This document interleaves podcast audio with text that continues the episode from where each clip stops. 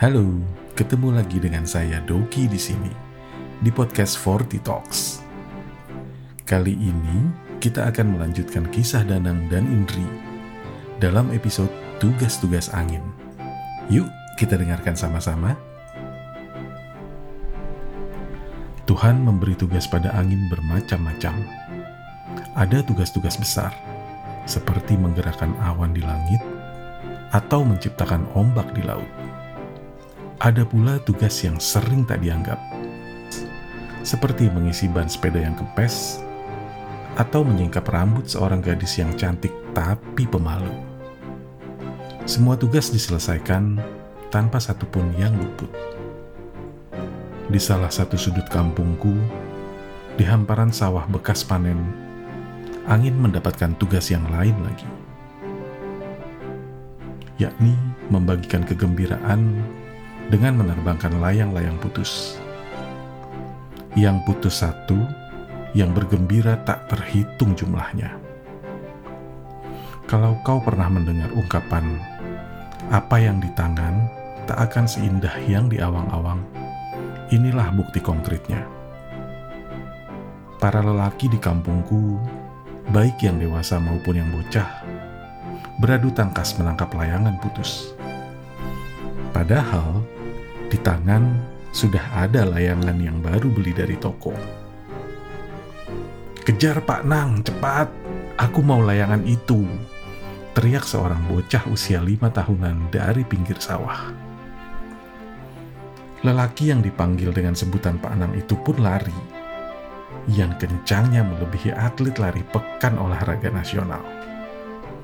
Terkadang ia melompat, seperti pelari gawang melewati kali pengairan Teriakan bocah tadi menjadi doping alamiah yang membuatnya bisa berlari paling depan. Sayang, sore ini angin mendapatkan dua tugas tambahan sekaligus, yaitu membawakan keberuntungan pada Pardi dan mengajarkan kelapangan pada Pak Nang. Layangan putus itu meliuk-liuk, dan akhirnya mendarat dengan manis di tangan Pardi. Sementara Pak Nang tersenyum pahit melihatnya. Pahit membayangkan Tole, si bocah tadi, kecewa karena gagal mendapatkan layangan itu. Mas, boleh nggak layangannya saya beli? Tanya Pak Nang pada Pardi sambil terengah-engah. Loh, jangan mas. Capek-capek dikejar, kok malah dijual? Jawab Pardi yakin. Sama dengan harga toko deh mas. Loh, malah nggak saya jual. Karena nggak ada toko yang jual layangan putus. Begitulah selanjutnya. Pak Nang terus menaikkan tawarannya. Namun, Pardi tetap bergeming. Akhirnya, terpaksa sekali Pak Nang berterus terang bahwa layangan itu akan dipersembahkan untuk bocah di pinggir sawah itu. Ia tak tega melihat bocah itu kecewa. Anakmu mas, tanya Pardi basa-basi. Sama, ini memang untuk anakku. Anaknya Indri Suwargi, Tole. Anaknya Mbak Indri almarhum. Pak Nang pun mengangguk. Pardi langsung meralat sikapnya. Pardi memang tak mengenal bocah itu. Tapi dengan Mbak Indri, ia kenal cukup baik. Dirapikannya layangan itu. Sisa benang gelasan digulung di sebatang ranting, lalu diberikannya pada Pak Nang. Ambil saja mas, mudah-mudahan bisa menghiburnya. Pak Nang kemudian merogoh saku, tapi Pardi buru-buru pamit meninggalkannya. Teman-teman, angin telah menyelesaikan tugasnya dengan nilai sempurna, memberi kemenangan pada dua lelaki sekaligus, lelaki-lelaki yang menyayangi anak yatim. Tak lama dari itu, terlihat Toli berlari menghampiri Pak Nang dengan gegap gempita, demi melihat Pak Nang memegang layangan putus itu. Lalu berpelukanlah Pak Nang dan Toli, bapak anak tanpa pertalian darah. Banyak cara bagaimana cinta menyatukan dua manusia. Ada kalanya dengan pernikahan, tapi ada kalanya juga dengan perpisahan. Yang terakhir ini yang terjadi pada Mas Danang. Lelaki yang dipanggil Pak Nang tadi. Dua kali, takdir memisahkannya dari wanita yang dia cintai. Yang pertama karena restu orang tua. Yang kedua karena kematian. Ketika Mbak Indri menikah dengan pria lain, karena kehadirannya tak mendapat restu keluarga Mas Danang, Mas Danang tetap setia dengan tak mencintai wanita lain. Ibu bisa melarang pernikahanku, tapi tak bisa melarang pada siapa hatiku mencintai. Jodoh bisa diatur, tapi hati tidak, kata Mas Danang padaku suatu kali. Sikapnya yang diambil saat itu sungguh sempurna. Patuh pada ibunya, sekaligus setia hatinya. Perpisahan kedua terjadi ketika Mbak Indri wafat. Usia pernikahan Mbak yang masih sangat muda saat itu meninggalkan Tole yang masih berusia dua tahun. Rumah tangga muda Ditinggal mati seorang ibu tentu oleng hilang keseimbangannya.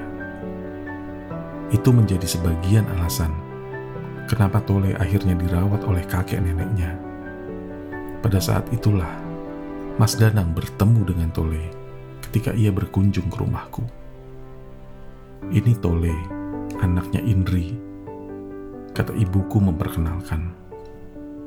Mas Danang adalah orang yang tak pernah mengumbar ekspresi berlebihan tertawa tak terlalu lebar, sedih jarang ditampakkan. Namun ketika ia membopong dan mendekap Tole, matanya berkaca-kaca. Lalu, beberapa detik kemudian, kaca-kaca itu pecah, berserakan di kedua pipinya. Sejak saat itu, Mas Danang berubah menjadi Pak Anangnya Tole. Sebaliknya bagi Mas Danang, Tole adalah penghubung rindu. Rindu yang tak bisa disampaikan langsung pada Mbak Indri. Hampir sebulan sekali ia berkunjung ke rumahku untuk bertemu Tole. Dibawakannya apa saja yang Tole suka.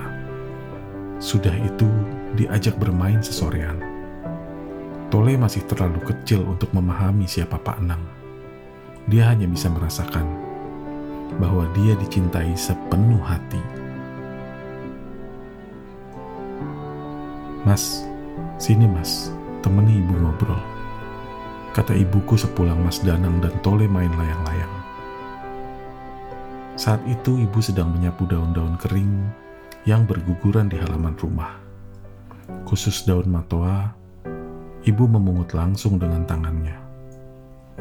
Inggih ibu, jawab Mas Danang sambil ikut memunguti daun matoa kering. Suaminya Indri, ayahnya Tole, sudah mau menikah lagi loh. Mas kapan? Masa mau bujangan terus? Ngapurane mas, bila ikut campur urusan pribadi mas.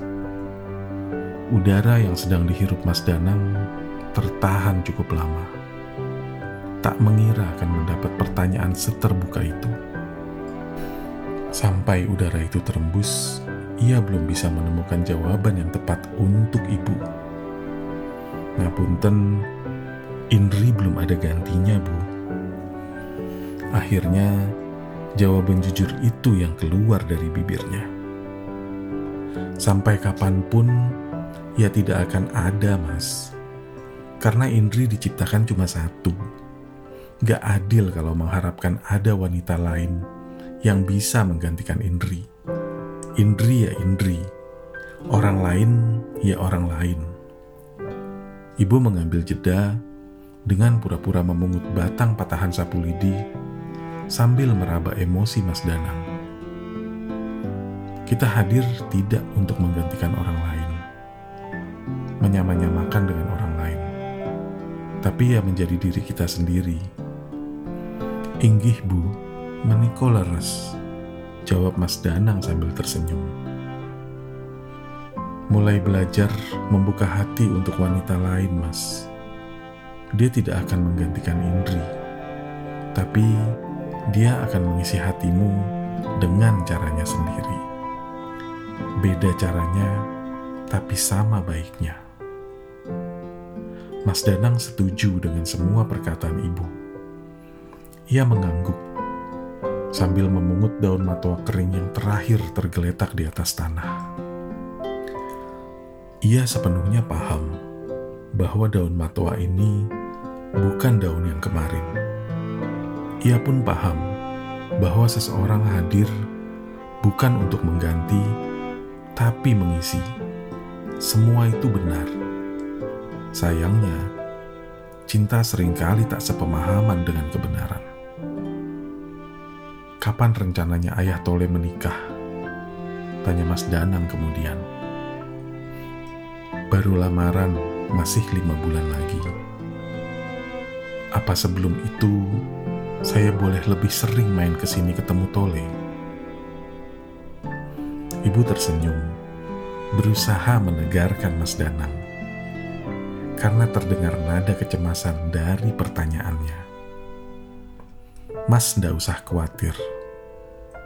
Bagaimanapun keadaannya, kamu akan tetap menjadi pak anangnya Tole sering-seringlah kemari. Tole juga suka menunggu-nunggu Pak Nang datang. Angin berembus lembut menutup tugas terakhirnya sebelum penghabisan senja. Disapunya wajah Mas Danang dengan kelembutan, lalu disalurkan ke dalam hati hingga berdesir. Mendengar ia masih bisa bersama-sama Tole, itu sudah mencukupkan semuanya akan ia kejar layang-layang sejauh dan setinggi apa pun demi Tole. Ia ingin lebih sering melihat Tole tertawa gembira. Karena ia yakin kalau Tole gembira, ibunya pasti bahagia. Maka ia pun berharap angin akan berpihak padanya. Berpihak pada cinta yang dipersatukan oleh perpisahan teman-teman. Sampai jumpa di episode selanjutnya.